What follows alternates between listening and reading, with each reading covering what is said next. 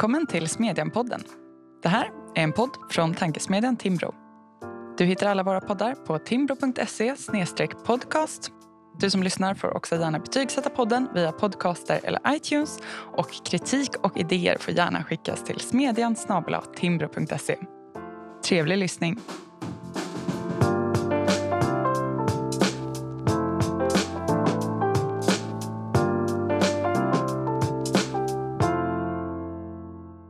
Jag heter Katarina Kärkinen och idag ska vi tala om utanförskapet på arbetsmarknaden. Ett av vår tids stora samhällsproblem som skär genom frågor om ekonomi och arbetsmarknad såväl som integration och samhällsgemenskap. På något vis alltings början och slut och förutsättningarna för övriga politiska områden och offentliga utgifter. Hur ligger det till? Vad är orsakerna till situationen på arbetsmarknaden och vilka blir konsekvenserna?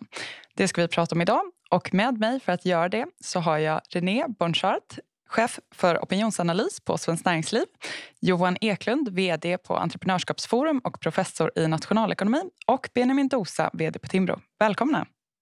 Utanförskapet på arbetsmarknaden eh, har ju diskuterats eh, mycket på olika håll de senaste veckorna. Det var också det första ämnet att eh, debatteras under söndagens partiledardebatt i SVT. Tittade ni på debatten? Vad tyckte ni om den? Jag tyckte det kändes som att politiken verkligen var eh, på väg att få tillbaka spänsten igen efter liksom, pandemiåret och på väg in i valrörelsen. Eh, jag måste erkänna en sak. Jag tittar inte på det mer än brottstycken. Och det är helt enkelt så att jag inte har stamina att titta några längre stunder på sådana här debatter. så. Tittar ni andra? Ja, jag, jag tittade och jag tyckte det var ganska underhållande. Det, det var det, ja.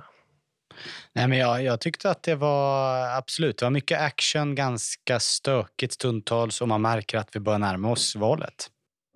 Och som sagt eh, så var ju utanförskapet på arbetsmarknaden en av de här frågorna. Och René, du har skrivit en artikel i Smedjan om eh, en undersökning som vi ska prata om lite senare. Men innan dess så eh, skrev du, vilket jag tänkte på när jag såg den här debatten också, att den här frågan är ett vågspel för statsministern. Därför att Stefan Löfven lovade 2014 att Sverige skulle ha EUs lägsta arbetslöshet 2020.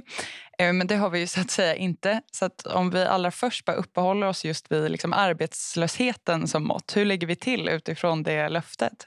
Jo, det ser inte så jättebra ut. Eh, svensk arbetslöshet eh, den är den fjärde högsta i EU just nu enligt statistik från Eurostat. Så I augusti låg den på 8,8 procent.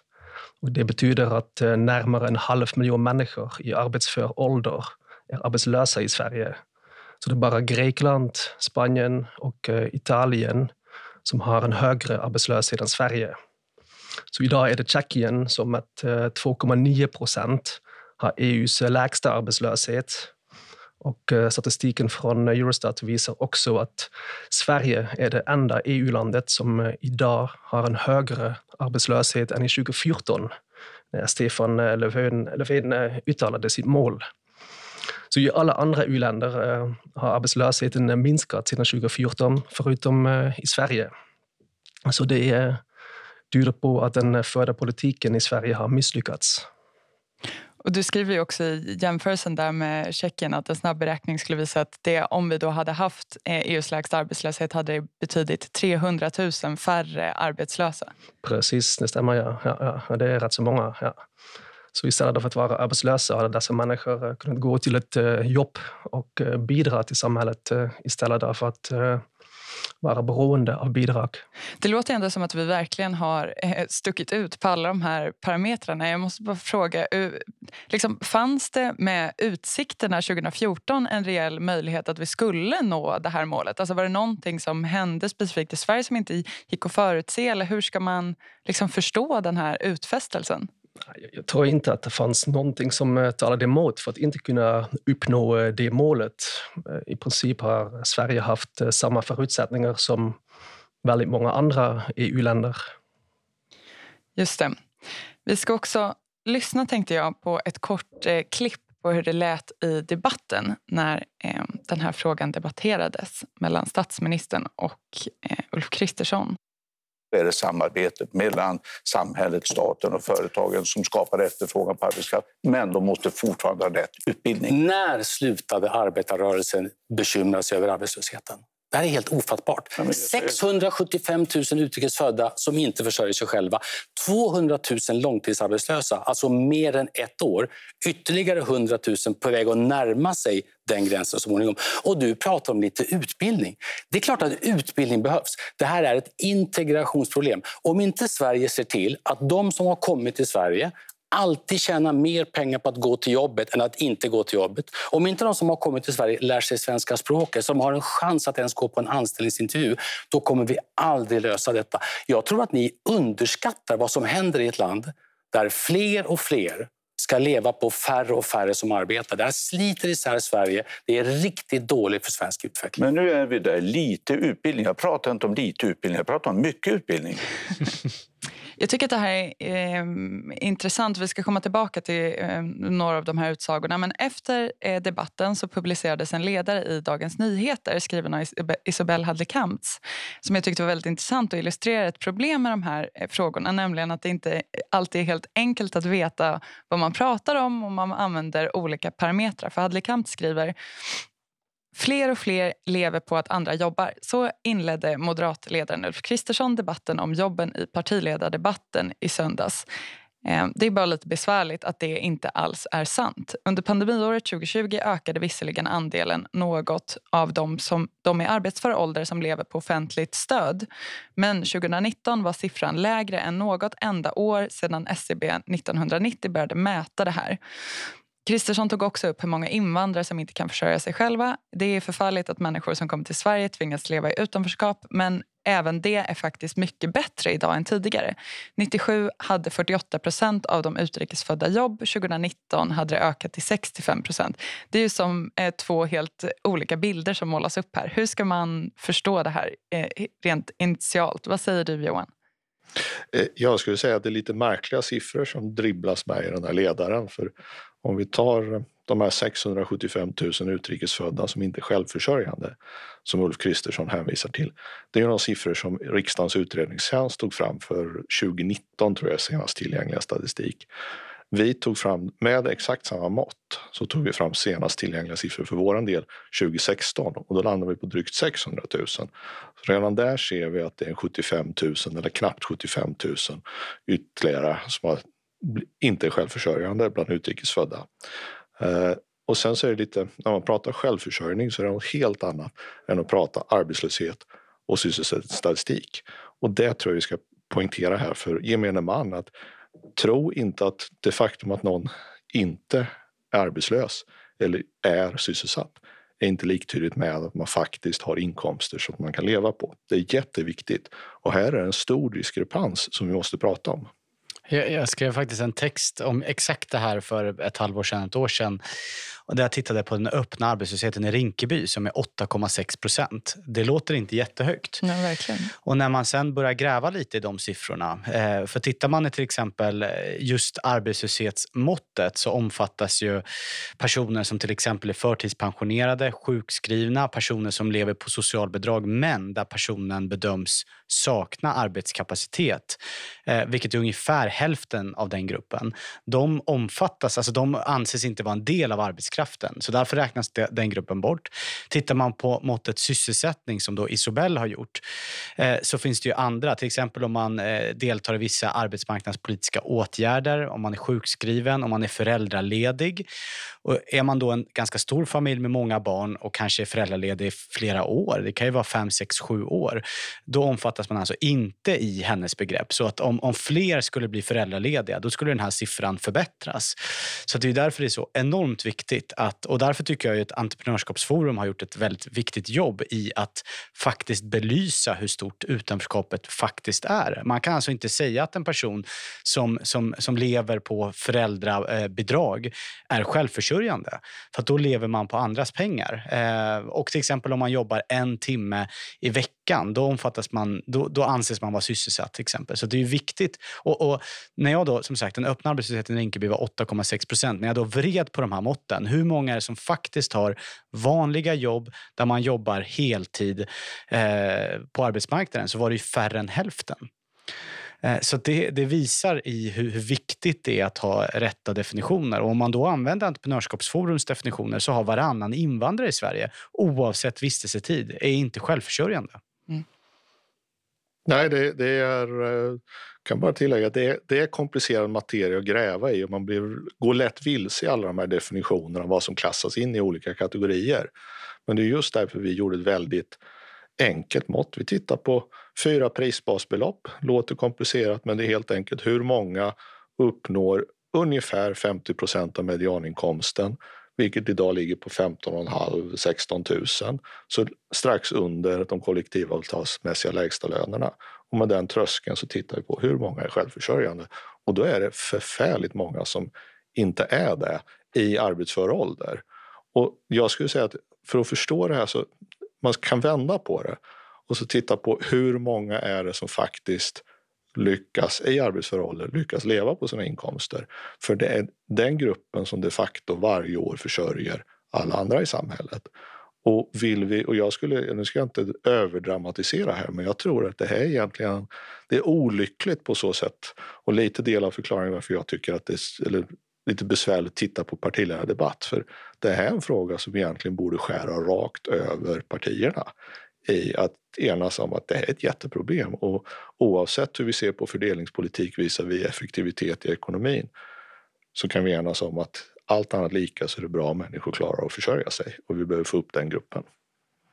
Så om man tänker att då självförsörjning är det relevanta måttet kan man ju bland annat den här eh, rapporten som nyligen publicerades av eh, Svenskt Näringsliv som handlar om, om, precis detta konstaterade att i Sverige är bara 4 miljoner personer helt självförsörjande. Det innebär att 1,3 miljoner svenskar inte försörjer sig själva utan är beroende av bidrag. Är det så att säga en korrekt sammantagen bild?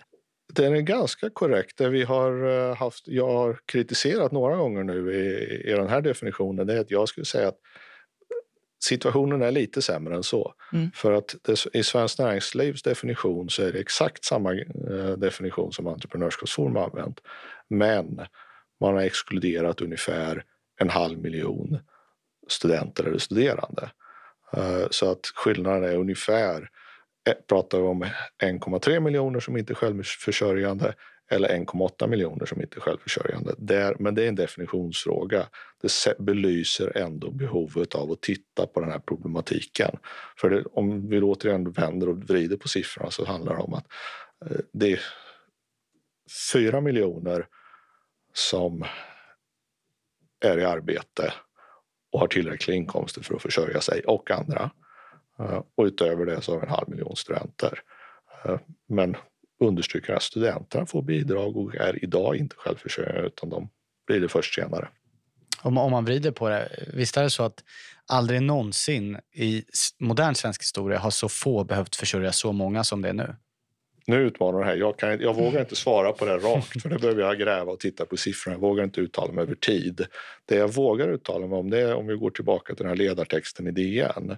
Eh, det här med att vi måste, det som jag tyckte missades i den texten det är att om vi pratar självförsörjning som ett mått på integration och hur väl den ekonomiska integrationen fungerar så måste man också komma ihåg att det är skillnad i absoluttal mellan 1997 och idag. Och det eh, saknar jag i texten. Den nyansen. Mm. Så vad kan man lägga till då till eh, den här bilden av 1,3 eller 1,8 miljoner svenskar som inte försörjer sig själva för att, försörjer sig själva för att förstå den bättre? Um, det ser väldigt olika vad, vad vet vi om den här gruppen? Det ser olika ut bland annat mellan inrikes och utrikesfödda. är det första man kan konstatera. Det är en väldig skillnad eh, både mellan ursprungsregioner, det är en våldsam skillnad för att det är en väldig skillnad om man är eh, född i Europa eller född i Afrika eller Mellanöstern. Jättestora skillnader. Det är skillnader mellan män och kvinnor. Kvinnor är generellt sett har lägre självförsörjningsgrad. Eh, utöver det så vet vi även att det är, precis som Benjamin var inne på här, att stor skillnad mellan olika områden. Så att där vi sitter i centrala Stockholm idag så kommer vi ha en helt annan självförsörjningsgrad eh, än om man åker ut till de så kallade utsatta områdena. Där finns det kvarter, vi har inte publicerat de siffrorna än, men det finns alltså kvarter där överväldigande majoritet saknar inkomster.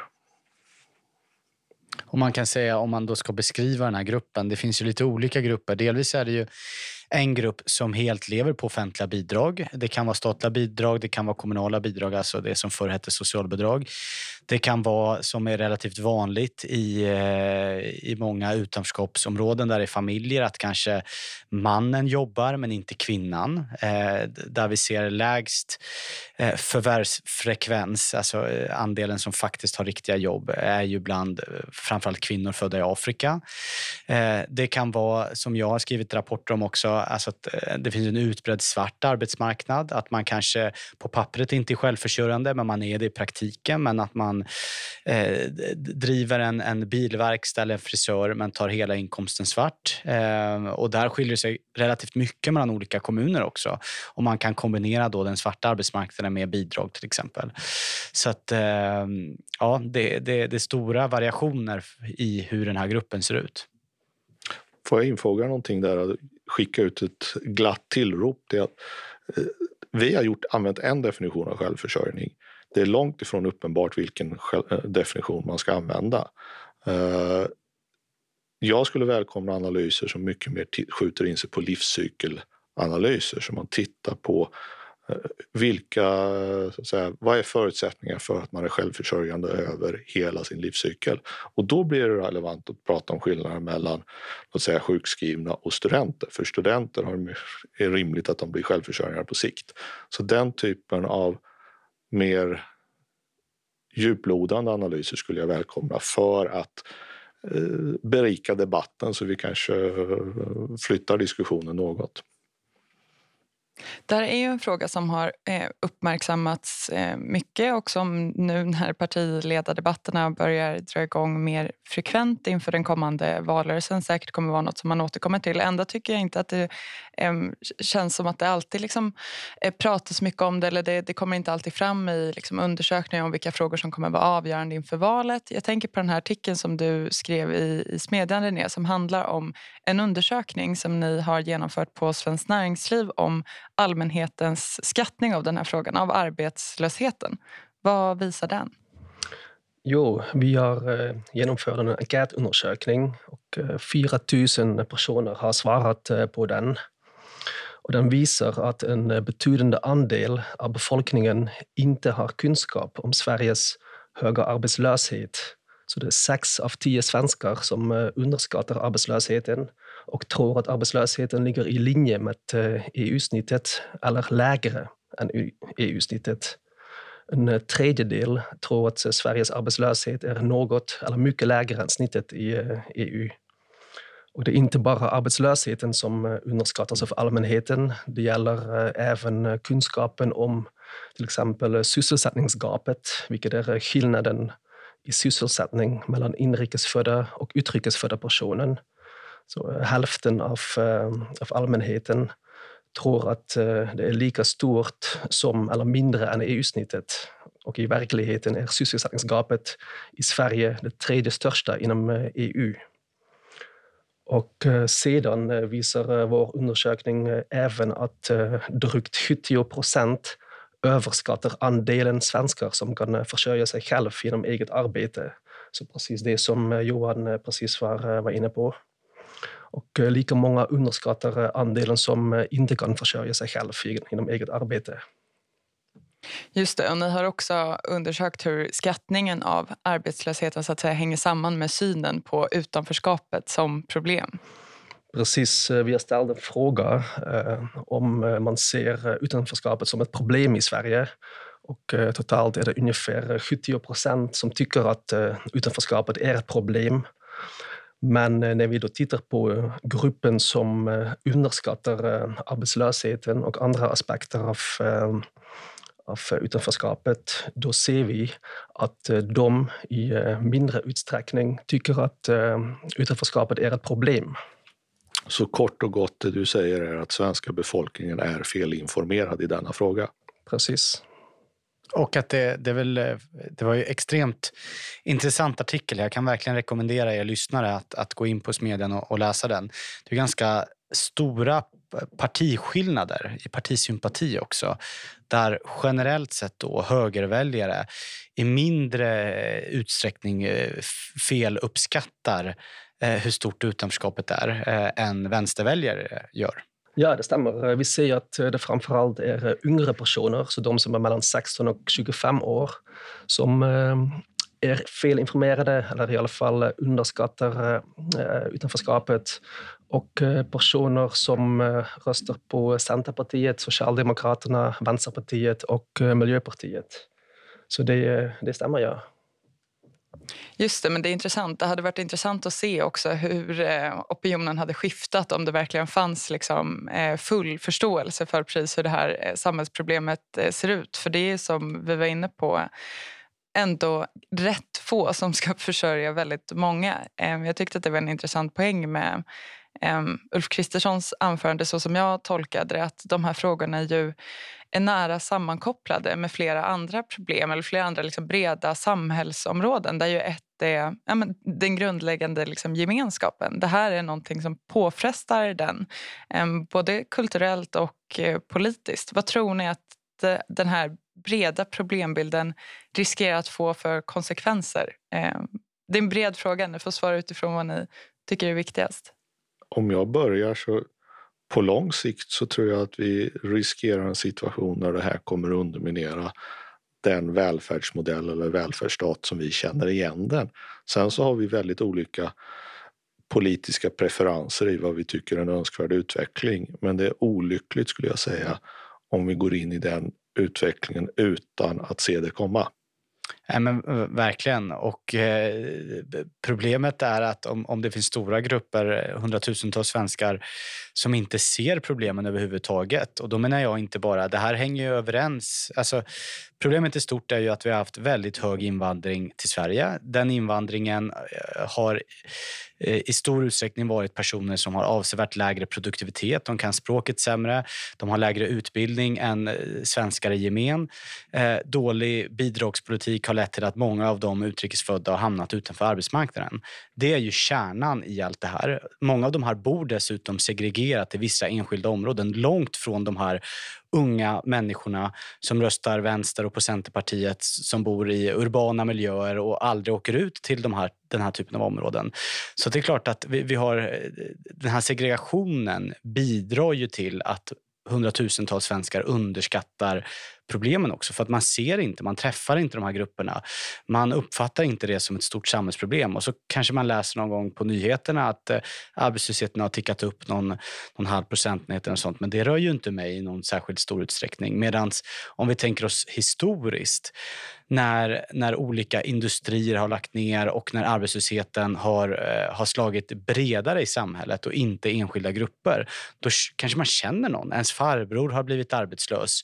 Eh, man är orolig för ens mammas arbetssituation till exempel. Det är man ju inte nu i, i så stor utsträckning. För rensar, rensar man den här, för den här gruppen så har ju inte Sverige eh, arbetslöshet som, som sticker ut i en europeisk kontext egentligen.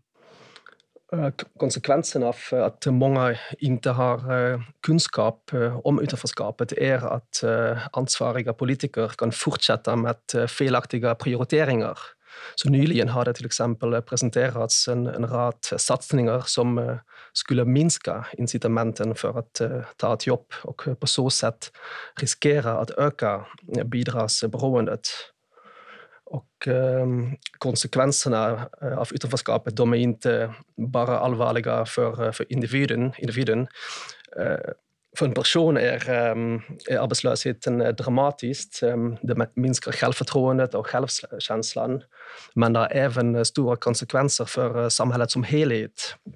Alltså Sveriges utanförskap kostar samhället minst 270 miljarder kronor årligen bara i direkta transfereringar och eh, uteblivna skatter enligt eh, beräkningar som eh, Svenskt Näringsliv har gjort. Och eh, när personer eh, går från utanförskap till självförsörjning då frigörs eh, resurser för, för rättsväsendet, för sjukvården, för infrastrukturen. Och vi kan även sänka skatten så att arbete blir, blir ännu mer lönsamt. Mm. Ja, men precis, det är ju så väldigt mycket kopplat till men nästan allt. Liksom, grunden för vad man kan göra politiskt överhuvudtaget. Och det är ju någonting eh, märkligt när man dels ser eh, den här eh, problembilden och sen ser hur mycket av det politiska samtalet låter. Som du säger när man pratar om eh, a-kassan eller eh, pensioner och det är som att den, den här andra parallella bilden alls inte finns. Eh, en annan paradox med det här är ju att vi har som parallella samhällsproblem också kopplade till arbetsmarknad och företagande. Samtidigt som arbetslösheten är väldigt hög ehm, så är det svårt för företag i många fall att hitta kompetent arbetskraft. Så i debatten togs ju det här upp och där uppstod ju en eh, skiljelinje skulle man kunna säga mellan eh, bidragsnivåer å ena sidan och lösningar som på olika sätt har med utbildningar att göra å andra sidan. Vi hörde eh, tidigare i det här klippet statsminister Stefan Löfven som förtydligade att det här handlar inte om lite utbildning utan mycket utbildning. Vad säger ni om, om det här? Jag, jag har ingen önskan att här och nu öppna upp fronter för egen del mot politiken men jag kan sticka ut hakan och säga och öppna upp fronten mot forskarkollegor i Sverige. Det finns ganska entydigt material som pekar på att vill vi komma till rätta med utanförskapsproblematiken och förbättra både så att säga, självförsörjningsgrad bland inrikesfödda och utrikesfödda så är bidragsnivåer en väg vi måste gå. Vi har landat och gått ut väldigt tydligt från Entreprenörskapsforum baserat på forskning att vi behöver skapa ett respektavstånd mellan bidragsnivåer och den, de inkomster man kan få. Eh, och det kommer väldigt högt upp på reformagendan för min del. Jag skulle även vilja säga någonting om det som Stefan Löfven sa. Jag tror han, han nämnde utbildning som en av lösningarna här. Det har varit den ständigt återkommande silverkulan sedan 90-talsreformerna. Det är alltid utbildning som ska vara samhällslösningen.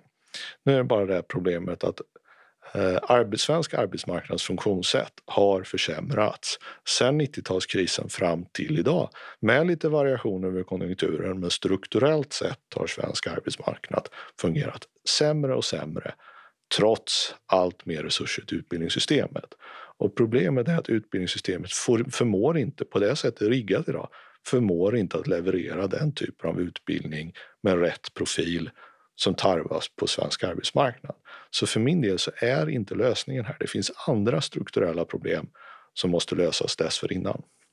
Så vad skulle ni säga då avslutningsvis? Vilka reformer eller vilket fokus är viktigast framöver för att komma till rätta med det här?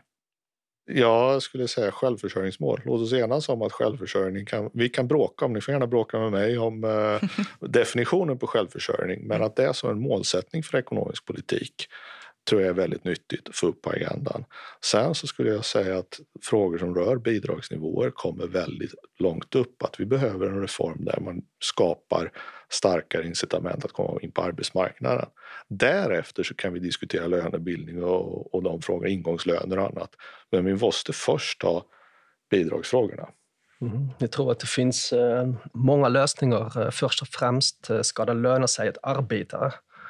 Eh, det ska finnas eh, större incitament för att gå från arbetslöshet till arbete. Jag tror att eh, alla kan hålla med om att det är viktigt att det ska löna sig att arbeta.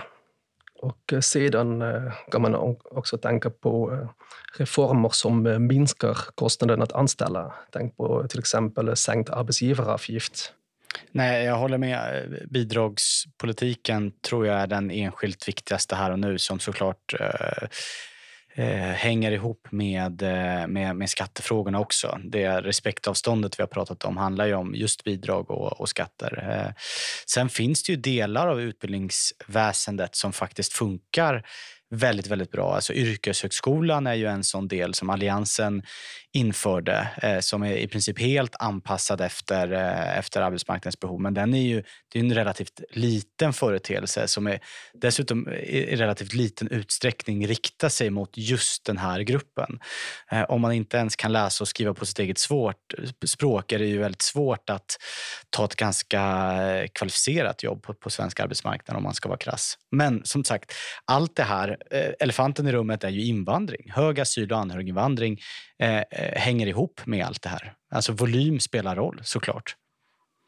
Vi eh, kommer garanterat att behöva komma tillbaka till eh, både det och frågan om reformer och bidragsnivåer under den kommande tiden. Eh, men för idag så behöver vi sätta punkt och jag får lov att säga varmt tack till René Bonchart, Johan Eklund och Benjamin Dose.